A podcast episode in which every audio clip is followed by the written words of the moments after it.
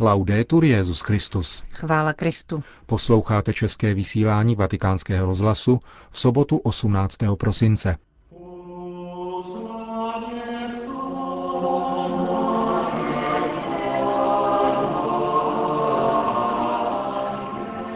Ve Vatikánu bylo zveřejněno poselství Benedikta XVI. ke Světovému dni nemocných. Papež dnes dopoledne navštívil nedávno zrekonstruovanou vatikánskou knihovnu. O křesťanské odpovědi na racionalismus meditoval včera papežský kazatel otec Cantalamessa, jehož kázání vám přiblížíme v závěru našeho pořadu. Hezký poslech přejí Johana Bronková a Milan Glázer.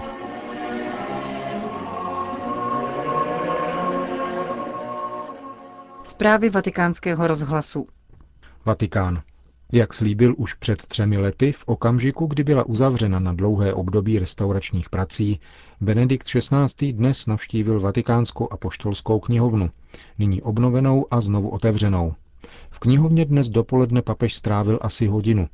Navštívil všechna její oddělení, od míst, kde se konzultují manuskripty po oddělení restauračních prací. Sledoval, jak zde probíhají práce a pozdravil se také se zaměstnanci. Přijal několik symbolických darů od kardinála bibliotékáře Rafaela Farini a jeho spolupracovníků.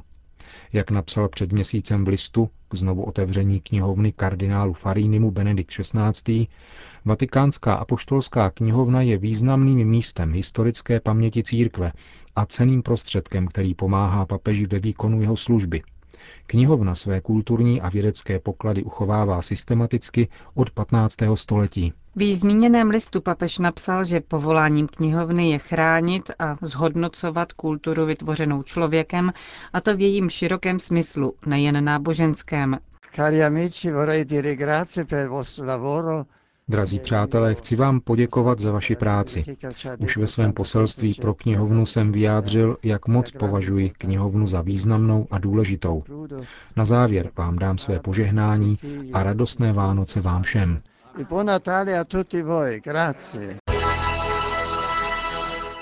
Vatikán. Žádný nemocný by se neměl cítit zapomenutý a vyloučený, píše Benedikt XVI. v poselství ke Světovému dni nemocných, který se bude slavit 11. února na svátek Panny Marie Lurdské. Poselství bylo zveřejněno dnes ve Vatikánu a papež v něm s odvoláním na téma poselství jeho ranami jste byli uzdraveni, zdůrazňuje, že svým zmrtvých vstáním pán zvítězil nad utrpením, Každý člověk je naším bratrem, tím spíš je-li slabý. Nemocní musí být ve středu naší pozornosti, aby se nikdo z nich necítil zapomenutý a vyloučený, apeluje Benedikt XVI., který také připomíná, že míru lidskosti určuje především vztah k trpícímu. Společnost, která neumí přijímat trpící, je společností krutou a nelidskou. Proto papež vyzývá autority, aby investovali více energie do zdravotnických zařízení, které pomáhají trpícím, především chudým a potřebným. Papež v poselství s pohnutím připomíná svou návštěvu turínského plátna. Tato trpící tvář nás zve, abychom rozjímali o tom, kdo na sobě nesl utrpení všech lidí, všech dob. Také naše utrpení, naše obtíže, naše hříchy. Utrpení zůstává plné tajemství, je těžké ho přijmout a nést. Je to zkouška víry učedníků a naší víry, vysvětluje Benedikt XVI. Právě skrze Kristovy rány, píše dál, můžeme očima naděje vidět všechna zla, která jsou lidstvo. Pán svým zmrtvých vstáním utrpení a zlo nevymítil ze světa, ale přemohl je. Proti panovačnosti zla postavil všemohoucnost své lásky – ujišťuje papež. Opakuje slova svatého Bernarda, že Bůh chtěl trpět pro nás a s námi, stal se člověkem, aby mohl spolu trpět s člověkem skutečným způsobem, tělem a krví. Sdílením utrpení šíří pán svou útěchu a činí nás účastníky boží lásky. Část dokumentu s myšlenkou na světové setkání mládeže v Madridu papež věnuje mladým, kteří zažívají zkušenost nemoci, Utrpení a Ježíšův kříž často budí strach, protože se zdají být popřením života, píše Benedikt XVI. Ve skutečnosti ale je to přesně naopak. Kříž je boží ano člověku, největším a nejintenzivnějším vyjádřením jeho lásky a pramenem z něhož vyvěrá věčný život. Z Ježíšova probodeného boku vytryskl boží život, Jedině pán je schopný osvobodit svět od zla a dát růst svému království spravedlnosti, míru a lásky, ve které všichni doufáme. Benedikt XVI. tedy zve mladé k setkání s Ježíšem v Eucharistii a k tomu, aby byli připraveni sloužit pánu v chudých, nemocných a ve všech bratrech, kteří potřebují naši pomoc. Řím. Po koncilní snaha učinit Vatikán mezinárodnější skončila jeho italianizací. Latina byla vytlačena a na její místo nastoupila italština.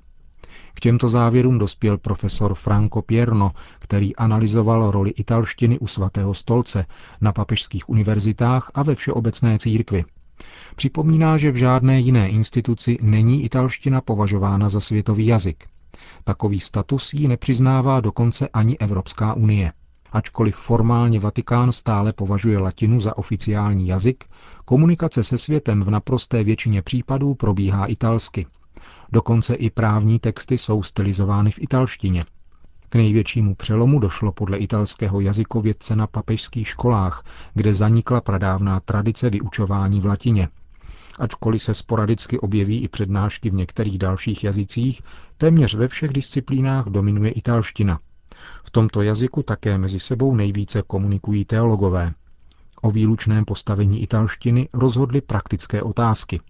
Církev potřebuje společnou řeč a proto prázdno zanechané po latině nahradil jazyk italský, uvádí profesor Pierno. Výsledky svého bádání popisuje v nedávno vydané knížce pod titulem Vatikán a italština mezi všeobecností a lokálními kompromisy.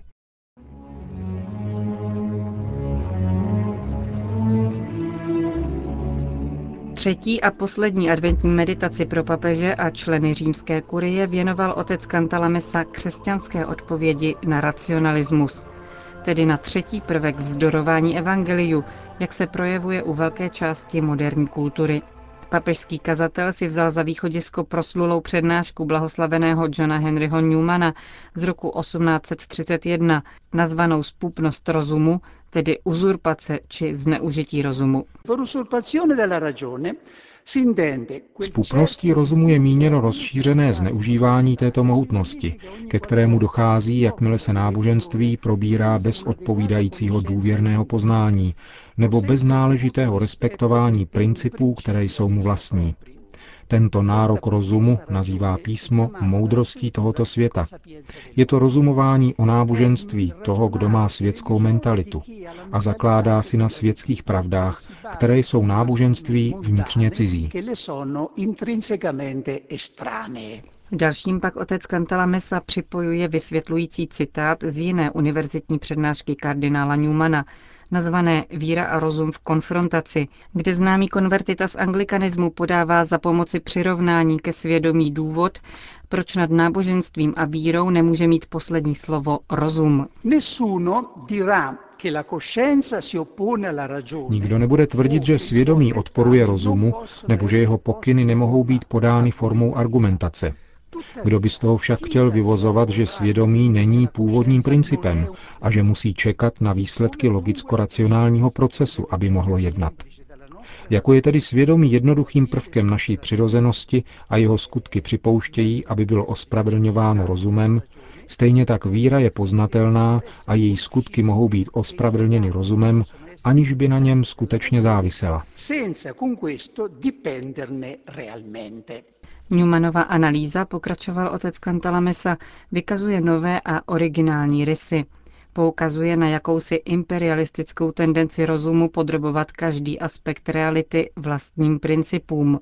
Lze ji označit i další politickou metaforou jako izolacionismus, tedy uzamčení se rozumu do sebe samého, Nespočívá tedy ani tak v tom, že by rozum zasahoval do jiných oblastí, jako spíše v tom, že neuznává existenci žádné jiné oblasti než své vlastní.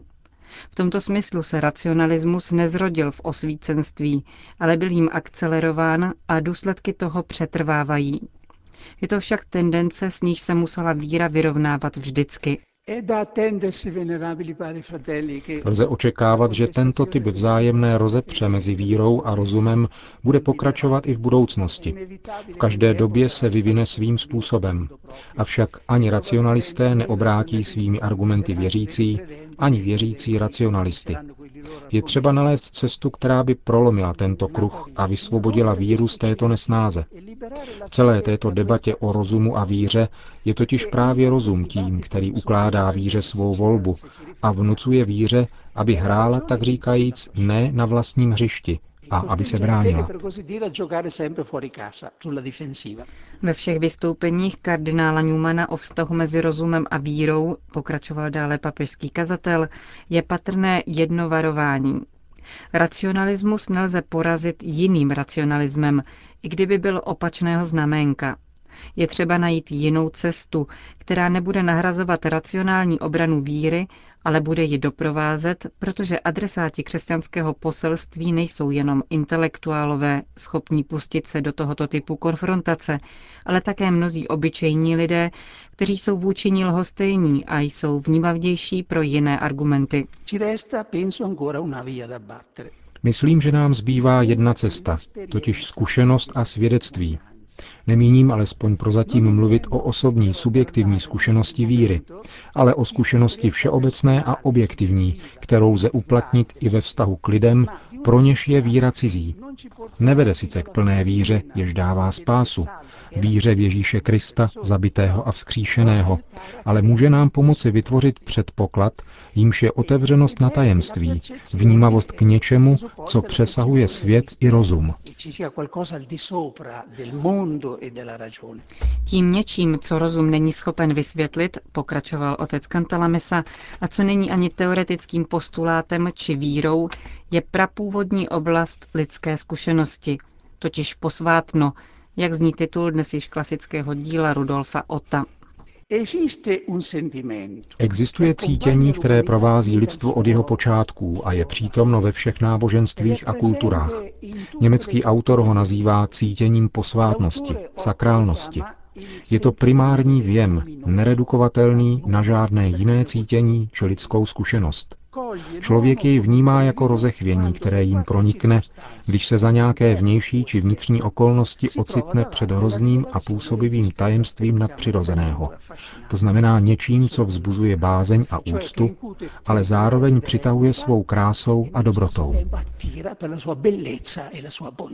Proto opětovná evangelizace sekularizovaného světa, vyvozuje dále otec Kantalamesa, musí zahrnovat také obnovu smyslu pro posvátno, Kulturním terénem racionalismu, jenž je jeho příčinou a zároveň důsledkem, je absence smyslu pro posvátno.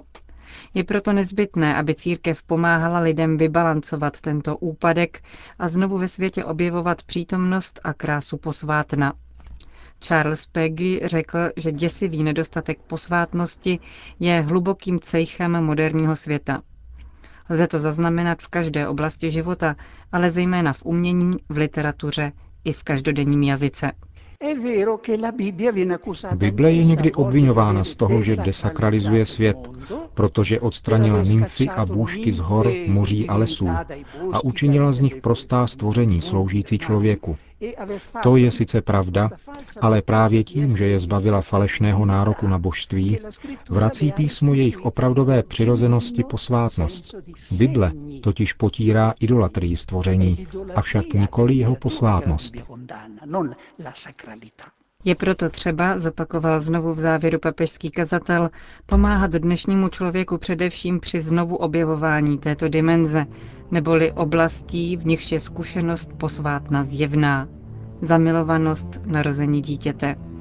Je třeba pomoci otevírat oči a objevovat schopnost úžasu, neboť kdo žasne, kraluje, jak praví jedno mimo evangelní rčení připisované Klementem Alexandrijským Ježíši Kristu.